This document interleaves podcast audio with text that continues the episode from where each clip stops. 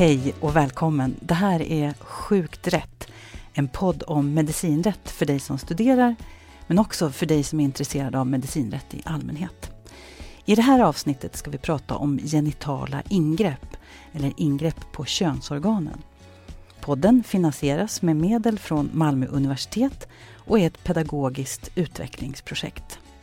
Den här podden ska inspirera, väcka tankar och frågor kring medicinrätt.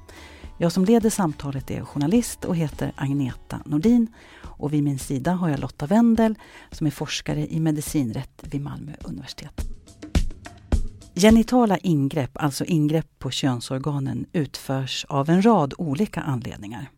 Från sjukdomsbehandlingar till kosmetiska ingrepp, könskorrigeringar och ingrepp med religiösa eller kulturella förtecken. I det här avsnittet håller vi oss till området som handlar om religiösa och kulturella förtecken, omskärelse av pojkar och framförallt flickor som har belysts och diskuterats sedan 1970-talet. Sverige var det första landet i västvärlden som införde en speciallagstiftning mot så kallad könsstympning 1982. 2018 beslutade regeringen om en nationell handlingsplan mot så kallad könsstympning av flickor och kvinnor. Syftet med handlingsplanen är att förebygga och motverka könsstympning samt att förbättra stödet till redan utsatta. Det låter bra och tryggt. Men hur fungerar handlingsplanen och hur ser verkligheten ut? Det vill säga, hur många flickor omskärs verkligen i Sverige, riskerar att omskäras och behöver skyddas? Om detta ska vi prata om med Sara Jonsdotter som är professor i medicinsk antropologi vid Malmö universitet. Ja, eh, som jag sa, genitala ingrepp det är ju ett stort område och vi har bestämt oss för att hålla oss kring omskärelse av pojkar, men framförallt flickor i det här avsnittet. Sara, du har ju forskat kring sex olika genitala ingrepp och, och det började på Rosengård. Vill du berätta? Ja, jag är ju antropolog och som antropolog förväntas man göra fältarbete. Så jag och min make och kollega, också antropolog, vi bodde tre år på Rosengård i slutet av 90-talet som boende. Då. Eh, och där drogs jag in väldigt mycket i den somaliska gruppen som var otroligt öppen och välkomnande. Och de ville diskutera med en forskare den här praktiken att, som de uttrycker det, flickor omskärs. Och bad mig att anordna en konferens. Vi hade en stor konferens i Rosengård i slutet av 90-talet. Och jag blev superintresserad av frågan. Vad var det de ville prata om då? Om, om problemet eller om möjligheterna eller vad var liksom själva ingången till att du fick kontakt med dem? Jag tror att de upplevde den här ganska komplicerade relationen mellan det svenska samhället och att vara en invandrargrupp som förknippas väldigt starkt med den här frågan. Så jag tror de ville reda ut Tyckte de att det var en skev bild då, som gavs kring just den gruppen? Jag tror att det här är ju, vad är det, 30 år sedan? Nej, 20? Ja, drygt, snart 30. Ja, 25 år ja. sedan. Mm. Jag tror att de egentligen var lite präglade av vad det stod i tidningarna vid den tiden och fortfarande skrivs, att det här pågår i full skala men hemligt eh, dolt för samhällets aktörer. Och då tyckte de att det var inte riktigt med sanningen överensstämmande? Jag tror att de inte visste. Alltså det var deras enda informationskanal. Men det blir ju en krock då när de själva upplever sig vara så starka motståndare och de känner ingen som skulle göra det. Och ändå så skriver man att det här är förekommande ja. och fast vi och de vet inte hur det förknippades väldigt starkt med det här. Så jag tror att de ville ha upp frågan på agendan och vara med och utreda. Så det här var liksom inledningen till det som, som nu är det här treåriga forskningsprojektet som, som du och Lotta Wendel eh, driver? Jag har hållit på att forska om det sedan slutet av 90-talet med den här konferensen som start. Mm. Så att ja, det, Lottas och mitt projekt här är en, bygger vidare på det jag har gjort tidigare. Och vad är det det här projektet går ut på då, eller vad ska det leda till? Det vi tittar på är dels eh, att vi ser på samhällsaktörerna med myndighetsansvar. Polis, åklagare. Lotta tittar speciellt på särskilda företrädare som är de som går in för att man ska kunna utreda brott utan föräldrars medgivande. Ja, eh, eftersom man misstänker då att det är vårdnadshavarna som har gjort det här mot sina barn så kan de ju inte delta i utredningen eller lämna samtycke till att barnet går igenom genital undersökning och så. Och när man misstänker att barn har utsatts för grova brott av sina vårdnadshavare så tillsätter man en särskild företrädare. Det är oftast en advokat som företräder barnet och som kan lämna sitt samtycke till att man genomför genitala undersökningar Mm. För barnet ska ju då, så att säga inom citationstecken, skyddas från den här förövaren, det vill säga föräldrarna då eller familjen eller släkten eller vad det nu Eller kan vara. att eventuell misstänkt förövare då inte ska kunna påverka Mm. brottsutredningen. Mm. Så vi tittar på det dels ur ett juridiskt perspektiv med proportionalitetsprincipen i centrum. Och vad betyder det då? Det betyder att när myndigheten gör någonting mot enskilda så får man inte lov att gå längre än vad som är rimligt med hänsyn till omständigheterna. Man brukar översätta med att man ska inte skjuta myggor med kanoner. Så vad skulle det, om du översätter det till, till just den här specifika frågan, vad betyder det här då? Ja, även om man har befogenhet att göra ett genitalt ingrepp så måste man ju ha gjort sannolikt att, att det verkligen är så att ett barn Genital undersökning. Ja, undersökning. Ja, tack, Ja. tack. En genital undersökning. Så måste man ha gjort sannolikt, man måste ha ordentliga skäl för att misstänka att det verkligen är så. Om man har en eh, väldigt lös misstanke till exempel för att en flicka tillhör en viss etnisk grupp så är det ju orimligt att man går in med hela sin arsenal eh, bara på den kopplingen att en viss etnisk grupp skulle innebära. Att Det är lite för grunt att bara använda det, för som grunt, argument. Ja. Ja, Mm, okej. mm. För hur långt har ni kommit nu? Nu har det varit pandemi och det har varit svårt att, att arbeta av alla möjliga olika sätt. Men, men ehm, Vi har Vad- gjort...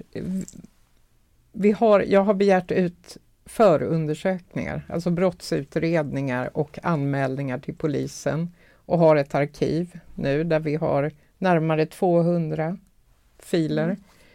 Så vi tittar på dem och analyserar dem och ser hur myndigheterna har arbetat med misstänkta fall. agerat. Och, Ja, Mm. handlagt ärendena.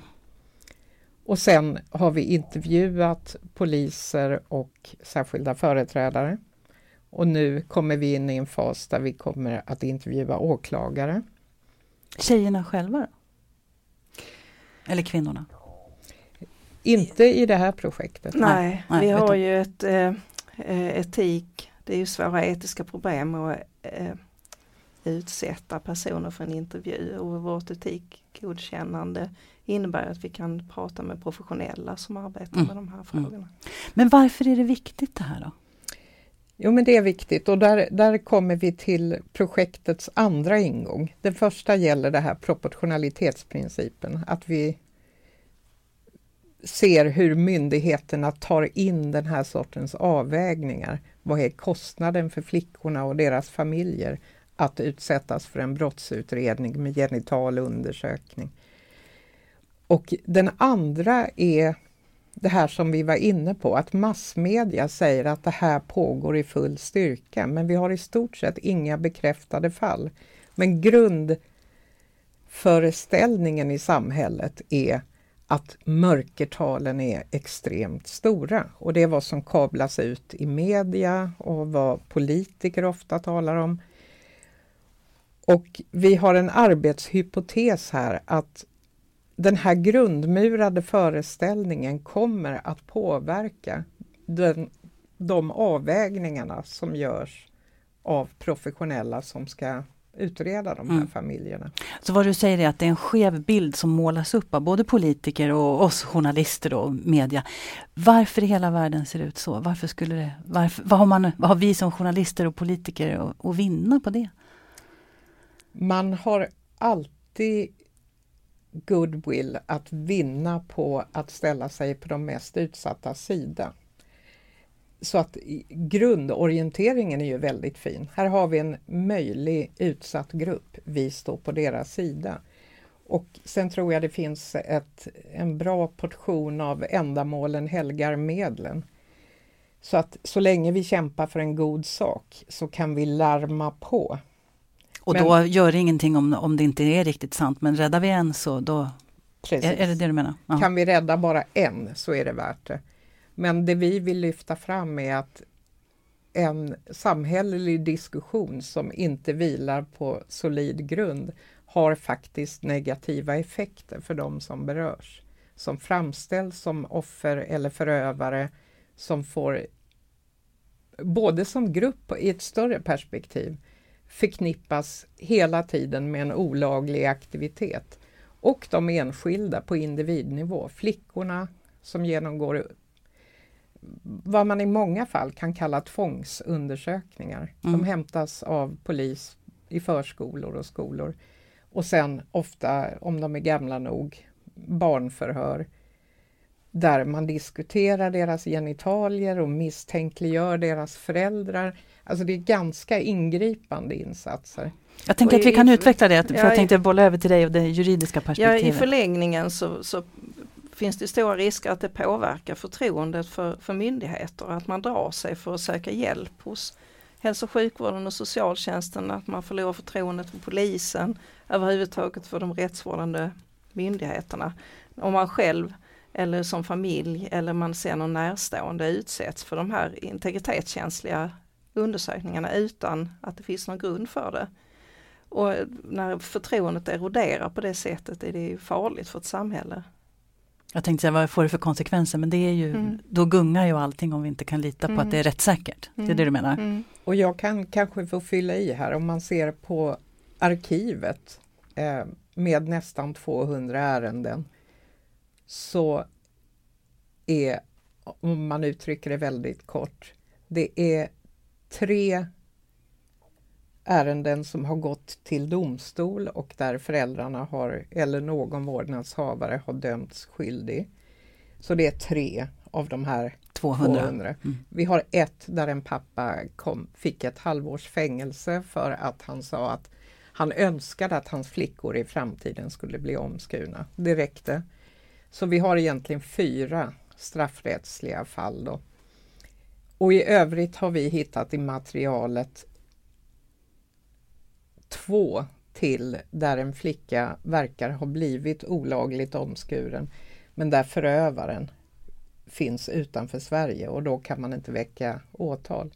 Så vi har egentligen en handfull fall där det har hänt och naturligtvis ett mörkertal. Men diskussionen gäller hur stort är mörkertalet? Du lyssnar på Sjukt rätt, podden om medicinrätt. I det här avsnittet om genitala ingrepp. Och gäst är Sara Jonsdotter som är professor i medicinsk antropologi vid Malmö universitet. Eh, ja, men Sara, då tycker jag att vi vänder tillbaka till det där med mörkertalen. För du sa att i, er, i ert material så har ni 200 fall och en handfull bara som som då har lett till, eh, till åtal och, och, och, och fällande domar.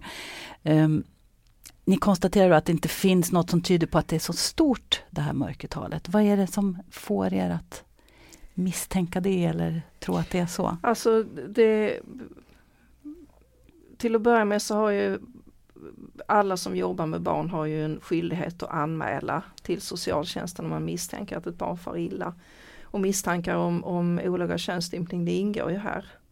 Eh, och av allt att döma så, så görs det ju ganska många orosanmälningar. Eh, och myndigheterna har stora resurser för att utreda de här brotten. Det är rent av så att man vid, under perioder fokuserar just på de här brotten. Men är det inte så, bra då med orosanmälningar om man misstänker som förskolepersonal eller skolpersonal att det är något. Jo, det är en jätteviktig mm. mekanism. Mm.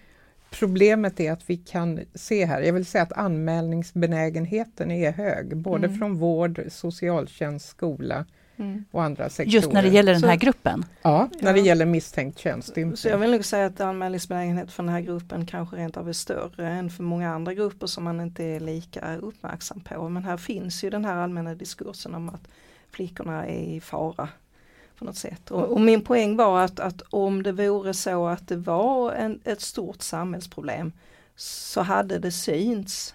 Det hade synts i polisutredningar. Eh, Det hade synts i socialtjänstutredningar på något annat sätt.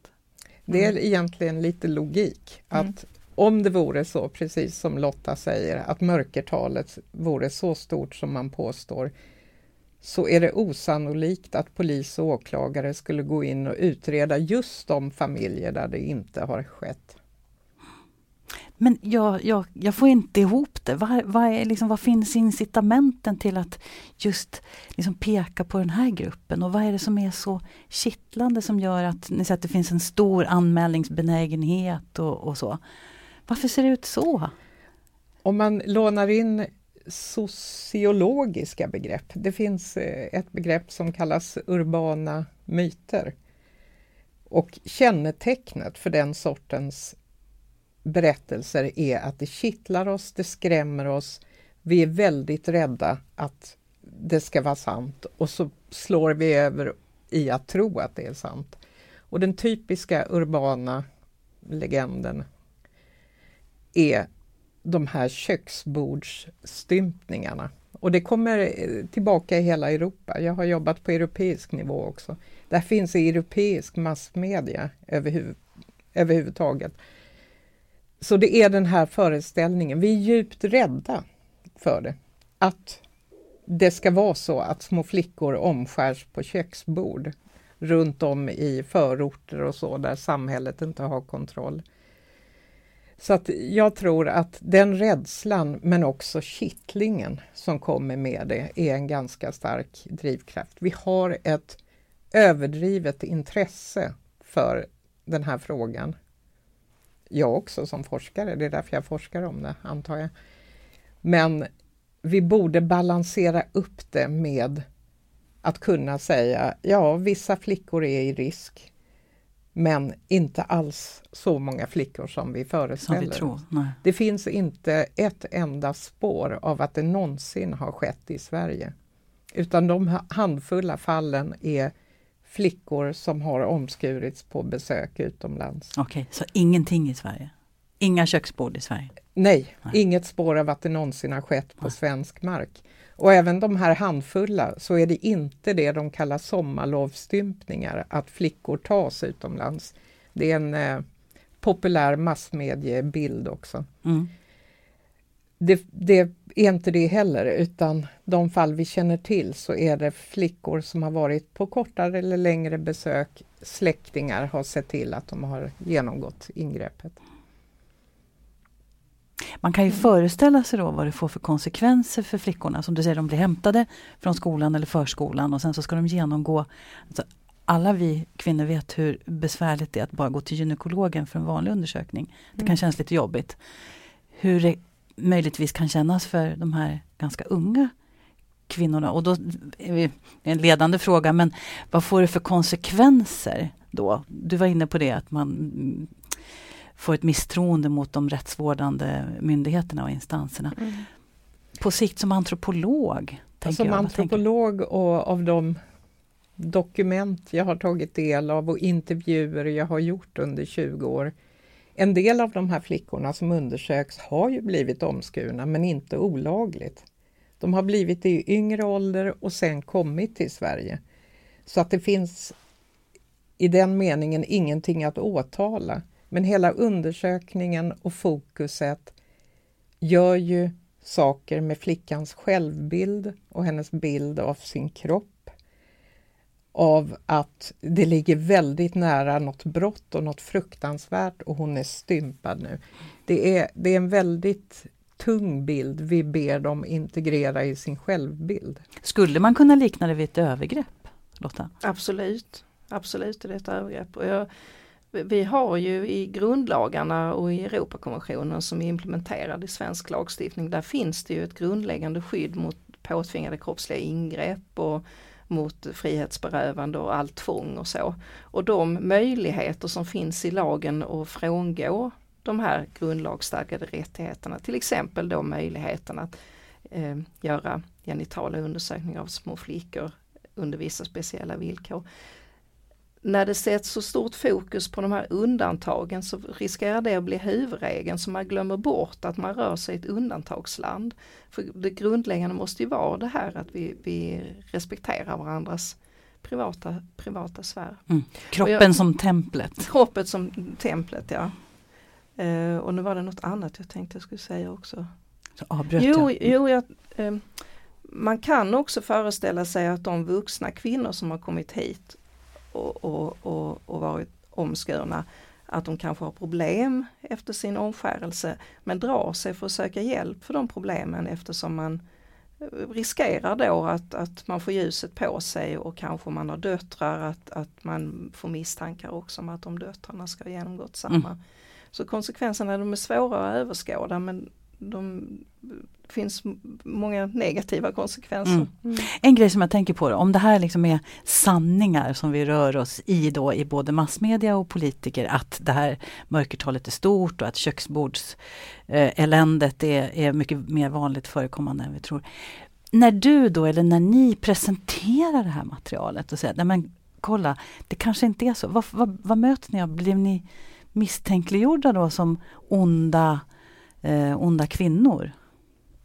Som inte vill skydda de här stackars flickorna? Det är både och. Alltså under de här 20-25 åren så har jag mött eh, både journalister och politiker och tjänstemän och så som inte vill lyssna.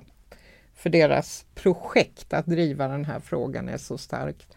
Men jag har också mött jättemånga vettiga journalister och tjänstemän som som vill, lyssnar och tar in då? Ja, mm. vill jobba mer balanserat och det här är tänker jag är viktigt att vi får med att sjukvårdspersonal, poliser, åklagare det är generellt sett superprofessionella, empatiska personer. De, de jobbar jättefint med de här frågorna på tusen olika sätt. Mm. Och problemet, tror vi, är den här uppmålade bilden som ändå styr dem i riktning mot ett visst hanterande. Vad säger du Lotta, har du mötts av någon skepsis? Eh, ja, jag, jag, framförallt den här bilden. Jag, även när vi presenterar vårt projekt Eh, där man ju ifrågasätter den gängse föreställningen om att det är ett stort samhällsproblem. Det kan vara en ganska lång presentation. Så kan man upptäcka ändå efter, efter vid diskussionen att, att åhörarna är kvar i den här bilden. Mm.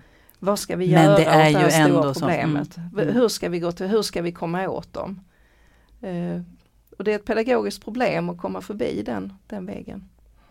Jag skulle också vilja tipsa om på, på Danmarks Radio så finns det en podcast som heter Det levande bevis. Eh, som handlar om ett, ett, det enda fallet i Danmark där eh, en mamma och en pappa har dömts för eh, olaga könsstympning av, av sina döttrar. Mm. Där döttrarna genomgående har hävdat att de inte är omskurna och det också finns eh, läkarundersökningar som visar att de inte är omskurna. Och de, eh, eh, man söker nu resning för de här eh, döttrarna. Men där, jag tror det är också ett exempel på det här att, att man har också i Danmark och i andra länder i västvärlden, precis som Sara säger, har haft den här grundmurade föreställningen om man vill hjälpa flickor och, och i just det här fallet så tycks det ju när man lyssnar på podcasten som att det har gått alldeles för långt. Mm. Du skriver ju också i den här eh, artikeln i Dagens Samhälle 2019, nu ska jag citera här. Svenska politiker och myndigheter borde fråga sig om insatserna för att skydda flickor i riskzonen för könsstympning står i proportion till utfallet. Det var det vi var inne på och som ju hänger ihop med det Lotta, mm. Lotta säger också. Skulle du kunna utveckla det? Hur ska de Eh, hur, ska de, hur ska de ifrågasätta det eller fråga sig om insatserna är, står i proportion? Ja, jag vill spinna vidare på det Lotta säger för i Sverige har vi en tendens att gå mot skarpare och skarpare lagstiftning. Eh, starkare insatser för att stävja något som vi inte ens vet om det är ett utbrett problem. Sen vill vi säga igen, det finns flickor som drabbas. Men vi tror att systemet kan hantera frågan mer nyanserat. Men den utvecklingen mot skarpare och skarpare tilltag för att hantera det här. Här kan vi ha England som avskräckande exempel. Där har de skärpt och skärpt kontroll, övervakning, lagstiftning, begränsat främst somaliernas vardagsliv i England. Och där har man kunnat se till exempel, man har infört en absolut anmälningsplikt för skola och vård där de ska anmäla kännedom om att en flicka är omskuren oavsett om man tror det är brottsligt eller inte. Det ska anmälas till polisen med effekten att unga flickor vågar inte söka sig till vården. Och jag har till och med hört en läkare säga att när hon blir uppringd av en flicka som säger jag har blivit omskuren och jag läser i tidningen att jag har skador av det, kan inte jag få komma och bli undersökt? Så säger den här gynekologen till flickan, snälla vänta tills du är 18, annars måste jag anmäla dig. Och då kommer din, din familj under utredning hos polisen. Och det är ett skräckscenario om det skulle gå så långt då, tänker jag, för då räddar man ju inte eller skyddar man ju inte heller de som faktiskt är i behov av, av mm. skydd. Då. Mm. Får jag mm. bara tillägga, för jag tycker det är en viktig aspekt. I alla tre fall vi har, där vi har fällande domar, det är tre fall sedan lagen infördes 1982. I alla de fallen så är det flickorna själva som har uttryckt för någon samhällsrepresentant att detta har jag varit med om. Inte ett enda fall har kommit av kontroller eller genitala undersökningar som flickorna sugs in i. Då. Så att det är inte statistik man kan räkna med, men det ger någon sorts fingervisning om att kanske är det tillit och förtroende vi ska jobba med för att få flickor att våga tala om det här om de har utsatts för det illegalt. Ville du säga någonting också Lotta? Ja, nej, jag vill också bygga på vad Sara sa tidigare för i England så har man ju lagstiftningsvis arbetat länge med en mer repressiv agenda som vi har tagit efter lite här i Sverige. Och här om året så införde man ju lagstiftning som gör det möjligt att belägga beslut om reseförbud om man misstänker att ett eh, barn ska föras utomlands och, eh, för könsstympning. Och det har använts i en, ett hand, en handfull fall hittills det här utreseförbudet. Men då kan man ju se i England uppfattas ju de här reglerna från somalier till exempel som att de är förbjudna att åka på semester. Mm. Såklart. Det är ingen idé att åka på semester för att Då blir man misstänkliggjord. Ja. ja. Och man kan stoppas på flygplatsen. Ja, mm. Stopp där, mm. du får inte åka hem. Ja. Och det finns ju ett eh, fall där Uppsala kommun dömdes för olaga diskriminering. På, bara det, den grunden att en familj berättade vid ett vanligt besök på sjukvården att man planerar att åka på semester. Mm. Och då blev det varningstrianglar direkt? Det blev varningstrianglar och det drogs igång en, en lång process. Uh Och det visade sig ju sen att det inte var någon någon, eh, någon fara. Eller, eller någon fara. Nej. Mm. Hur långt har ni kvar nu då? Vi började med att, jag började med att fråga hur, var ni är på väg, men hur mycket, när ska ni vara färdiga? Vi är väl halvvägs i projektet, så mm. ett och ett halvt år kvar ska vi nog jobba på med intervjuer och analys och skrivande. Mm. Och sen vill vi ju ha med oss de professionella också. Så att vi ska jobba vidare med kanalerna. Vi vill bygga en handbok för, för eh, de professionella som hanterar de här ärenden. Men vi vill att den ska vara superrelevant för dem. Så att i slutet kommer vi att försöka få vår handbok i den form så att den verkligen kan användas av de som jobbar mm, med den som här är berörda. Mm. Mm. Då ser vi fram emot den handboken. Tack så hemskt mycket Sara Jonsdotter, professor i medicinsk antropologi vid Malmö universitet. Lotta, har du någon eh, avslutande reflektion eller tanke kring Det är klart att du har massor, det vet jag, det har du alltid. Men ja, det, här, det här är ju, eh, eftersom det är ett projekt som jag själv är inblandad i så det ligger mig särskilt varmt om hjärtat. Jag tycker det är ett bra exempel också som vi har varit inne på tidigare hur lagen så ofta handlar om att balansera enskildas fri och rättigheter mot stora samhällsproblem. Vilka verktyg ska man använda? Hur långt är det rimligt att gå? Hur många människor får skadas för att man ska få rädda en eller två? Eller hur många måste man få rädda för att det är rimligt att skada andra? Och den, den balansgången är ju jättesvår. Jättesvår att göra men oerhört intressant att studera. Ser vi fram emot resultaten.